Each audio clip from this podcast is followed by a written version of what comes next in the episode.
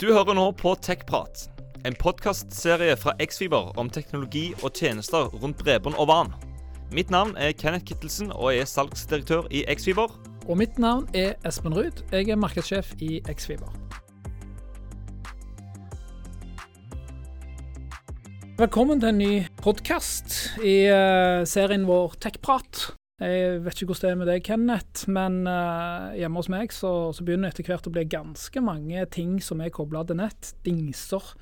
Det er værstasjoner, alarmer og lyspærer og all slags greier. Elbilen min snakker med hjemmeladeren, og hjemmeladeren snakker med strømselskapet som gir beskjed om strømpriser og greier og alt sånt. Ja, det begynner jo å bli en del ting. Jeg prøver med det her smarthus-homien eh, som jeg har eh, blitt lurt på jobb her og få meg hjemme. Men jeg merker jo det at jeg, jeg er jo ikke akkurat så pro proffe på det. Og det er gjerne derfor det er greit at det er firma som faktisk driver med eh, kan det innenfor det her smartfeltet IOT. Og For å hjelpe oss å forstå litt mer om eh, IOT og eh, teknologien rundt det, og hva du kan bruke det til, så har vi i dag invitert Sjur Usken. Sjur er gründer av eh, firmaet ClevAir, som gjør dumme bygg smarte. Og Sjur har jobba i uh, IT-bransjen og nettverksbransjen i mange år. Og Sjur, hva er det egentlig som er så spennende med IOT?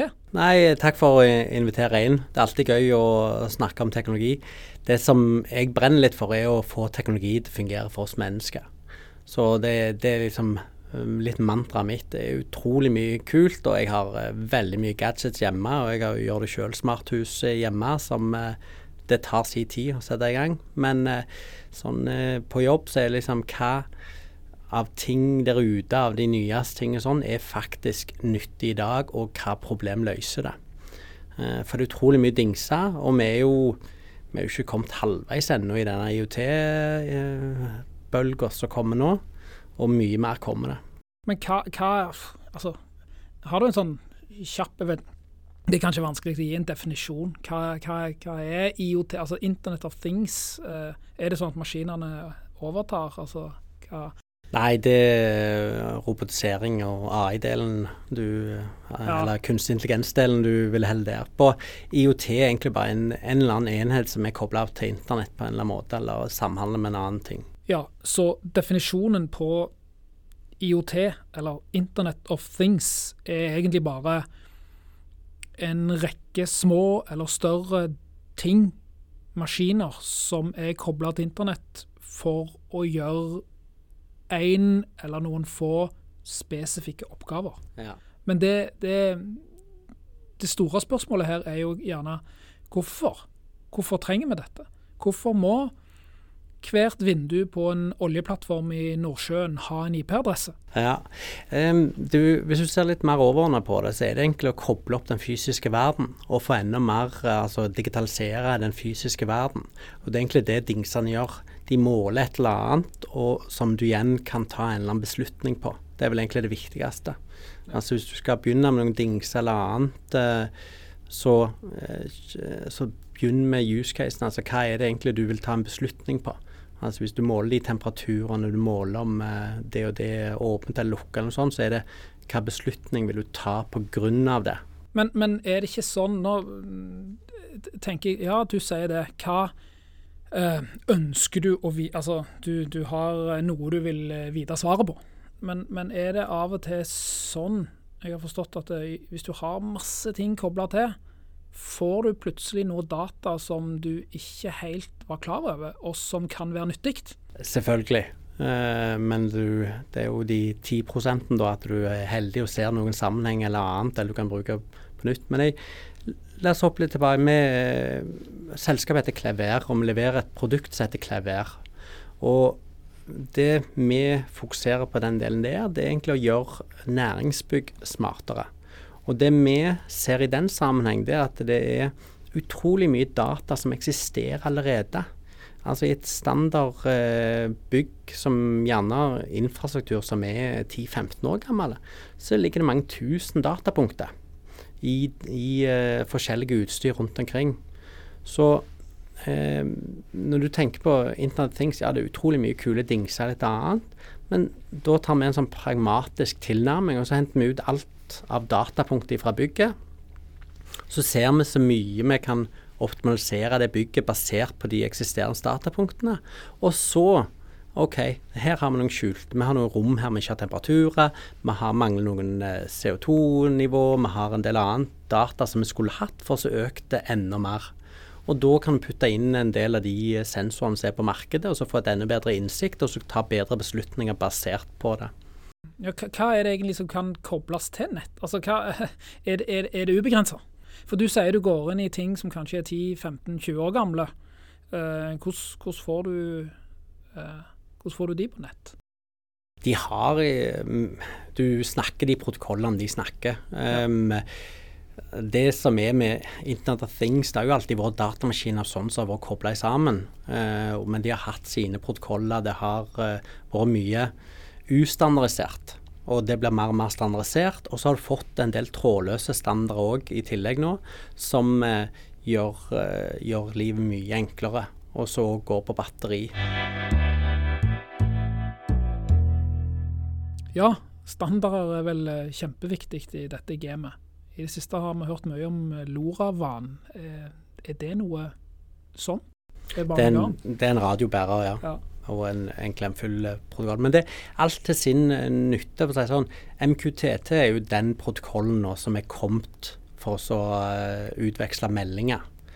Og så har du jo de forskjellige radioteknologiene som er brukt. Uh, hvis vi beveger oss inn på smarthus, altså private, så har du Z-Wave, som har vært der fra 2008-2009. Eh, det er et selskap som eier den delen der. Neste som kommer, er jo Sigby, har jo kommet i versjon 3.0. Um, der er det jo eh, både Philips og Ikea kjører veldig hardt på den, og den òg har en såkalt mesh.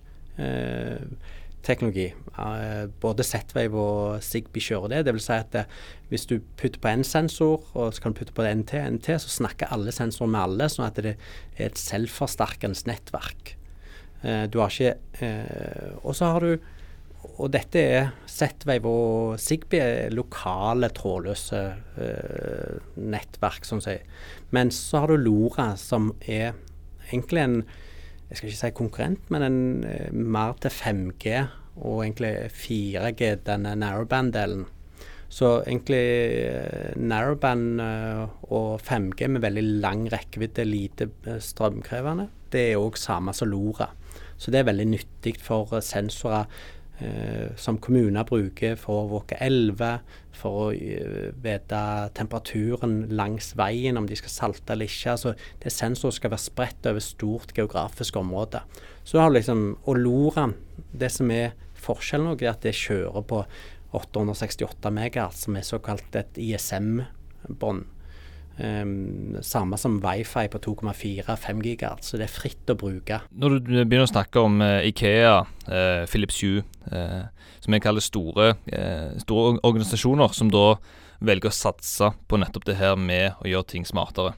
så tror jeg, siden jeg visste du skulle komme og snakke med oss, så måtte jeg jo google litt og sjekke litt hvem er det som blir med på bølgen på IOT. Og så kom jeg over en, en device som Amazon hadde utvikla nå for å gjøre knytta ting lettere opp direkte inn til da eh, Amazon sin skylagring.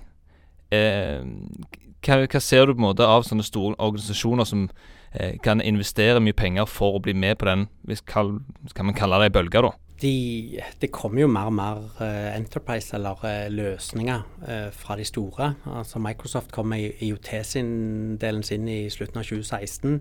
Amazon var faktisk litt før der, for å si det sånn, med den IOT-huben sin.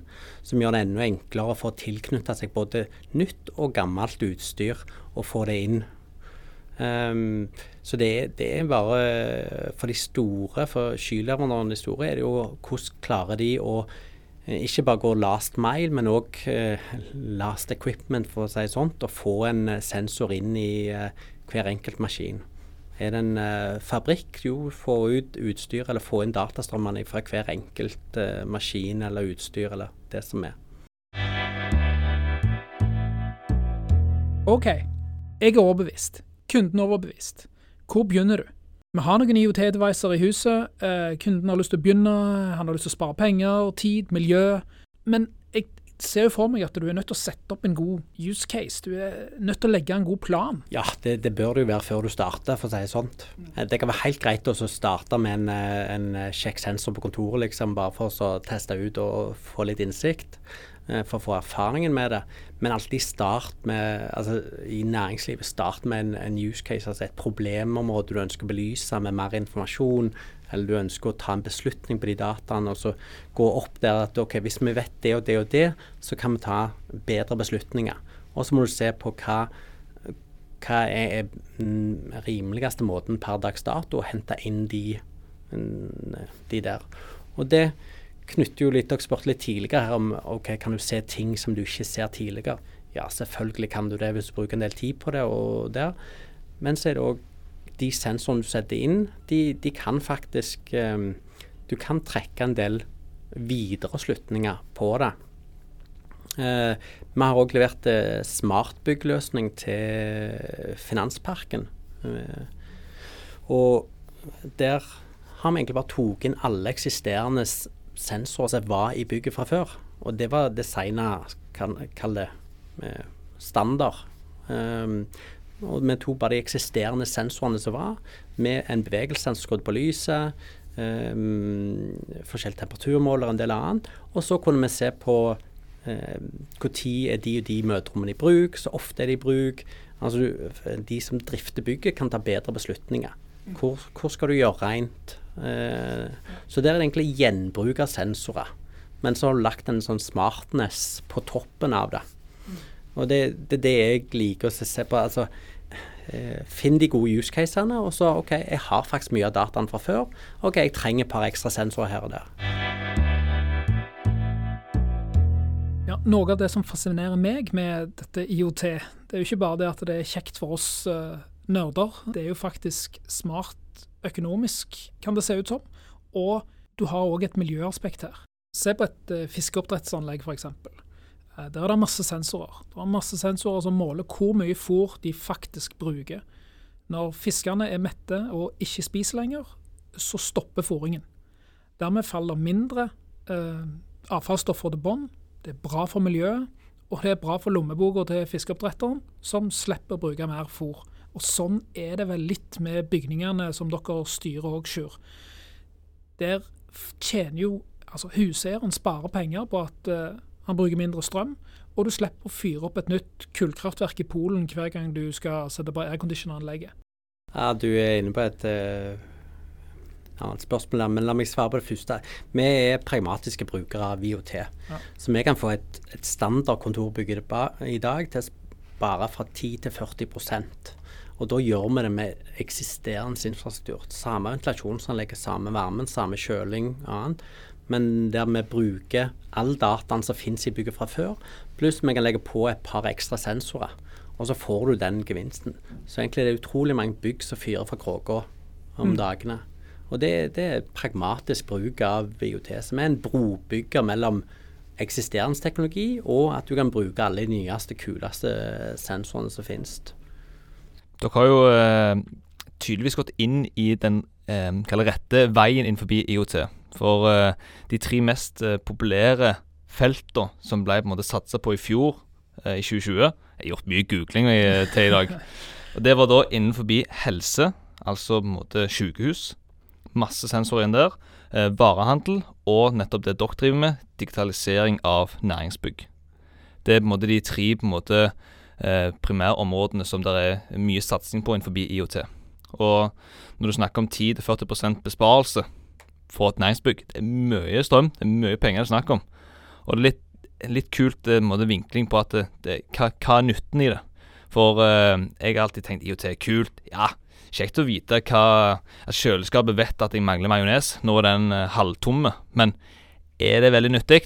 Ja. Er det veldig besparende? Ja, vet ikke helt. Men uh, Og i kall det det store bildet, så er det gjerne litt sånn uh, bagateller.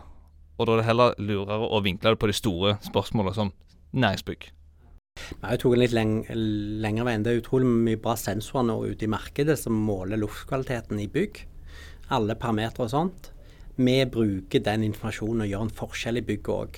At du ikke bare eh, måler det og får innsikten i det, men det faktisk automatisk agerer på det. Eh, så vi, vi, liker best å snakke om autonome bygg, ikke smarte bygg, men autonome bygg som tar egne beslutninger med et godt uh, beslutningsgrunnlag. Og det beslutningsgrunnlaget kommer da fra nye sensorer, nye, nye gadgets, for å si det sånn. Vi liker å snakke om uh, big data er, eller var iallfall et buzzord her for uh, noen år siden, og, og er kanskje det ennå. Altså All den dataen du henter inn, eller dere da henter inn, og som IOT-devicer henter inn, det er vel måten du, sånn som du snakker om, at bygg agerer på dataen som kommer. Men det er jo en logikk her. Det er jo noen. Altså Jeg går ut ifra at eh, hos dere og hos eh, mange andre så, så sitter det eh, smarte hjerner og programmerer og finner ut av og lager algoritmer som gjør at ok, når CO-nivået synker under et visst nivå, så skal vi sette på litt mer luft inn i det møterommet der. Det driver dere òg på med. Altså det, det, er jo, det er en viktig sak i hele IOT. Stemmer det. Og litt tilbake til use caser nå, at du skal agere på det. Og eh, du må orkestrere sensorene. Og det kommer nok bli det, det du ser i året framover. De som klarer å orkestrere store flåter med sensorer. For du klarer ikke å ta inn over deg at du som enkeltperson finner den nåla i høystakken. Med praktisk eksempel er sånn lite bygg, relativt lite med par ventilasjonsanlegg, sånn, genererer gjerne 10-20 millioner eh, datapunkt i løpet av en måned, eh, som igjen du prosesserer og behandler. Og det er bare at har, eh, det er kostnadseffektivt. Altså det, du har råd til det nå. Jeg hadde ikke råd til det for fem år siden. Um, så det er store, store datamengder. Men så er det liksom um, den med beslutninger. Hvem er som lager logikken, hvem som programmerer det. Vi, vi gjør det nå. Vi tar inn alle de dataene og legger det inn på algoritmer, som igjen tar inn værvarselet, som igjen tar inn lokale del, annet som påvirker bygget. Eh, gjør alle beregninger sånn, og så hjelper vi det bygget til å ta bedre beslutninger. Så den orkestreringen der er det, er det Clever-plattformen som gjør. For Jeg sitter nå med, med homien min og prøver å lage en flow. Og så skal jeg lage en flow for uh, ditt og datt, og jeg skal reagere på sensorinputen min. Huset mitt er fullt av sensorer, men jeg vet ikke hva jeg skal gjøre med alle sensorene. Sant? At når strømmen går opp der, hva skal jeg Ja. Men alt det der, det Det, og det er en skikkelig stor utfordring i næringsbygg. Eh, for det tidligere utstyr for å si sånt, har vært programmert av uh, utrolig mye forskjellige folk. Forskjellige måter. Du har forskjellig infrastruktur, forskjellige måter et bygg blir oppvarmet på. Um, og å forstå dette, og igjen putte på algoritmer som da fungerer på det bygget. Det, så det er, en, det er, en, krevende jobb. Det største jobben egentlig å bare se på hvor, hva er egentlig alle de datapunktene. Vi har jo bygd med uh, 90 000 datapunkter, og du har jo ikke sjans å se gjennom de uh, normalt. Så det, det som er nå, og det kommer, vil komme de neste årene innenfor næringsbygg, det er en kunstig intelligens som kan lære opp igjen en kunstig intelligens til å håndtere bygget. Så en AI på en AI. Mm.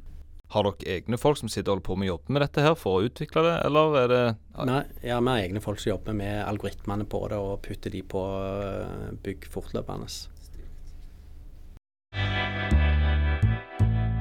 Ja, Keiser. Ring denne her eh, ringeklokka som du kobler opp på nettet. For det er liksom, Hva skal du koble på nettet? Jo, jeg kobler en sånn ringeklokke på nettet. Og det er jo Ring i USA har en et avtale med politiet, faktisk. Hvor du da, hvis det har vært en, skjedd en, et biltyveri i nabolaget, så kan politiet ha det i en avtale med Ring om at da får de bare fotoene fra alle ringeklokkene i det nabolaget. Um, det er jo praktisk for politiet, da. Genialt. Det er bare at De kan få uh, mitt kamera. eh, jeg har jo fått meg ei sånn ringklokke. Helt fantastisk. En ting som jeg eh, ønsker å bestille, hvis det er noen som hører på nå som er grævla smarte og på en måte eh, innovative for det her med IOT Jeg har lyst at dere skal lage at eh, når jeg da på fredagen så står det handleposer på døra mi når jeg kommer hjem fra jobb. Da har dere tatt bilde av kjøleskapet mitt, fordi dere vet at jeg har lyst til å ha reker til fredagsmiddag, og det står gjerne ei vinflaske der, for da er det kobla opp mot Kolonial og Polet, og så blir det bare fiksa. At det på en måte kjøleskapet vet at når du er tom for majones, skuffa, du mangler brød, og så skal du ha reker. At det bare blir, det blir bare fulgt opp. Det, og nå i koronatida hadde det vært genialt. Slipp å gå på butikken. Det kommer jo før du eh, vet ordet av det, så lander en drone ut forbi.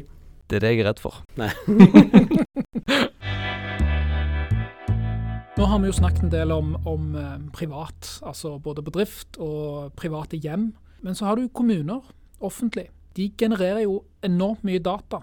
Etter hvert så har de masse bygg. De har nok på de nyeste byggene, og på kanskje mange av de gamle òg, har de mange sensorer. De har sensorer ute, vannstand, temperatur, luftkvalitet. Her er vi jo interessert i å få mest mulig ut av skattepengene våre. Spare miljøet, det skal være bærekraftig. Samtidig så eh, går jeg ut ifra at det er et sammensurium av standarder. Altså, hvordan kan eh, vi som brukere få tak i den dataen, og hva gjør vi med det? Hvordan håndterer kommunene dette her? Jo, vi har eh, kommuner som kunder, eh, og de har jo enormt kostnadspress på seg.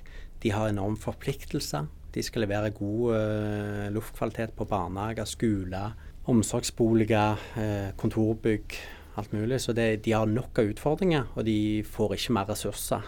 Eh, så det, der er det mer enn nok. Men det Espen, du er nok eh, inne på, det er å sånn, få en felles datamodell, så det går an å gjenbruke den dataen. Altså få eh, en tagging og en eh, datamodell som gjør at all, alle datapunkter som kommer ifra eh, en by, kan gjenbrukes av andre. Og Det har jo Stavanger vært, og Gjesdal og ja, eller hele regionen her vært en pådriver for å åpne datasett. Men det, det er òg litt i støpeskjea en del hvordan er det du merker alle dataene. For det med ok, så mange ledige by, eh, parkeringsplasser, det kan være relevant for en restaurant i byen som faktisk bruker dette datasettet til å beregne så mye de skal lage pizzadeig eller hva som helst. Så du får en utrolig Altså, når du åpner opp dataen der, så kan det tas inn i utrolig mange andre og forbedre mange aspekter du aldri tenkte på. Vi snakker jo mye om eh, data. Det er jo informasjon som blir eh, prosessert, og det skal jo lagres en plass. Hvor, hvor lagres all dataen? Eh, nå går det rett i skyen, for å si det sånn. Det Ja. er lite lønnsomt å ha den serveren, serverrommet eh, lokalt lenger. Og så har vi fått gode alternativ i Norge òg. Så det og, og de datamengdene som kommer inn nå, blir eh, u... Ja, du, du skal ha ganske stor driftsorganisasjon for oss å håndtere det. Um, men så må du huske det at det ikke lagrer Altså, det er forskjell på rådata og på informasjon. Og så på toppen der har du innsikten i det. Så igjen, jeg, jeg er litt sånn på den eh, informasjonsmodellen du bruker på de datasettene du har. Alle, alle liker å snakke om en datalek som egentlig bare er en eh, Altså en eh, svær harddisk der du lagrer alt, men hvis ingen finner noe igjen uansett, så, så er du like langt. Det som jeg ser på som en, eller tenker litt på som en bekymring, det er ok, det er dette når du får alt inn i skya. Du har masse data inn der. Så er det jo sikkerheten til skyleverandøren du, du, du må stole på. Men det er når en kommune eller andre åpner opp for at andre kan bruke dette, hvor eh, personvern oppi her? Altså, er det så mye data, eller så eh, Er det noen personvernhensyn å gjøre her, å ta her? I det hele tatt? Absolutt. Eh, det kan være en uskyldig sensor eh, som bare måler tilstedeværelse, bevegelsessensor eller noe annet, kan, eh, kan faktisk være dekka av eh, personvern. Eh, på når du ser når folk er der, når er de ikke. Altså, du bruker de til feil hensikt. Eh, men da eh, Så personvernet må du absolutt ta ikke bare ta høyde for, men uh, ta et aktivt grep på og tenke. Men det, det utfordrer at alle data kan misbrukes, men mye av de dataene kan òg uh, anonymiseres og gjøre sånn at du ikke ikke kan eh, misbrukes. Men eh, selvfølgelig kobler du med de eh, meste, så så kan det selvfølgelig misbrukes. NRK har gjort en god reportasje der, der de kjøpte anonymiserte eh, data for hvor folk bevegde seg. Egentlig anonymisert, og de kunne veldig lett tracke hvem det var. For det, det var jo bare å se på hvor har oppholds, den oppholdt seg mest. Jo, det var hjemme. Og så har han reist på jobb, og han jobber der og der. Ok, men da finner vi den personen. Så all data kan misbrukes. Men det blir interessant framover. Det òg kommer Altså, personvern ble jo satt på dagsorden for to år siden med GDPR. Og det eh, jeg ser fram til, er at det, nå, nå, er vi i lomma. Hvis du har kjøpt en Fitbit eller noe annet, sånn en liten gadget der på hånda, så er du, eh, så er du produktet eh, med å få inn fitnessdata liksom til, eh, til en større aktør. Um, og bare for, Den ble jo brukt til f.eks. å se på hvem var det som følte jordskjelv. For da våkna folk. Så kunne du se liksom hvem som faktisk følte jordskjelv i de og de områdene. Og de detekterer òg liksom de kan, Noen av de med litt temperatur eller puls òg, så kan de se litt på i disse tider når det er litt uh, utbrudd som begynner å komme, for pulsen begynner å stige når du begynner å bli syk. Um, så du kan bruke dataene på ganske mange interessante måter. Du, du, tror du bare sender pulsen, men det er egentlig du sender, du sender ganske mye. Mm. Um, men det som vil komme framover, der det er en del eh, forslag på en del annet, det er at det er du som blir eier av dataene. Det er du som har kontroll på hvem du deler med. Um, nå er jo vi litt oppi året, for å si det sånn. Fullt 40 alle mann. Uh, noen av oss. Ja, noen ja, av dere. noen av dere, ja. Uh, og kan vel ofte kalles den tapte digitale generasjonen. Altså vi har trykt likes mange ganger på Facebook siden det kommer og LinkedIn og en del annet. At de har en eh, full profil og vet uh, bedre hva du liker enn du vet sjøl. Du, får jo opp, uh, du får jo opp en reklame for en ting du har tenkt på. Uh, gjerne. Iallfall jeg. og, og, det vil komme. Du, du, vil få en AI som gjør innkjøper for deg, som kan ta bedre beslutninger enn deg sjøl plutselig står det en hund på døra uten at du egentlig visste at du trengte en hund. Ja.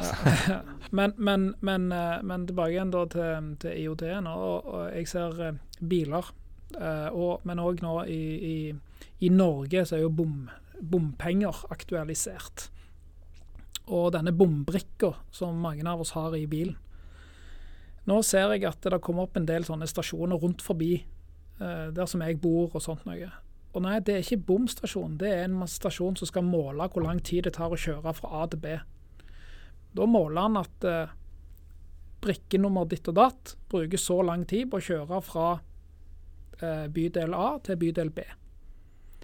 Men det er jo da det er jo min det er jo, De vet jo at det er meg. Ja. Um, så det er jo en sånn en ting å tenke på.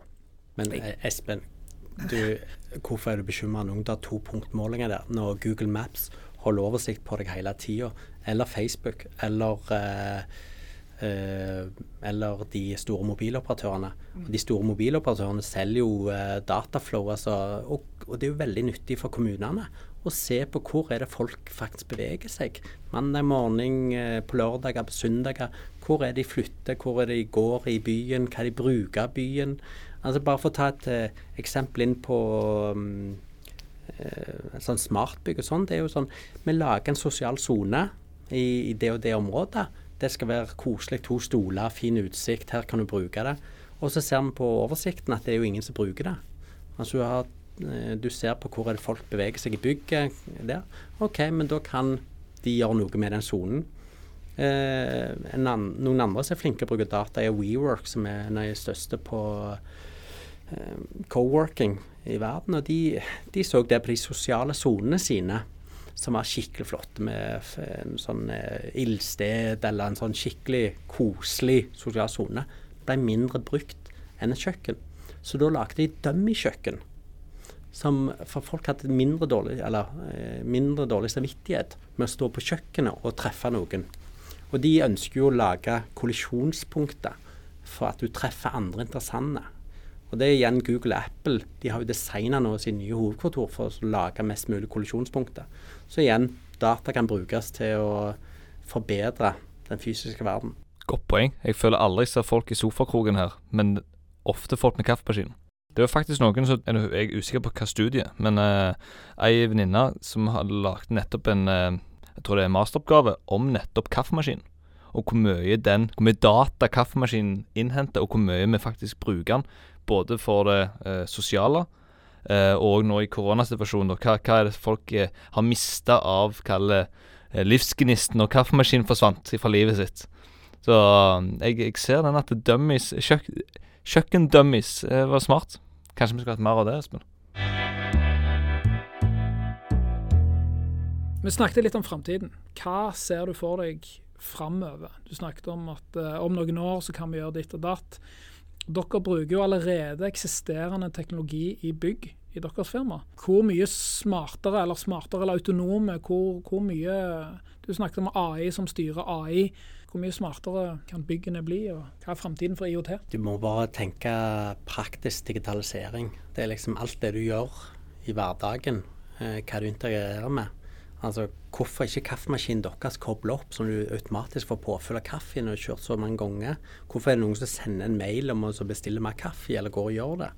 Altså, Hvorfor på service sånn, hvorfor ikke det er prediktivt? Altså, Han vet sjøl at nå kommer jeg til å bli gåsvondt om to dager, så her er det tar vi en eh, service på han med en gang, før det skjer. Altså Hvorfor ikke det er implementert allerede i dag?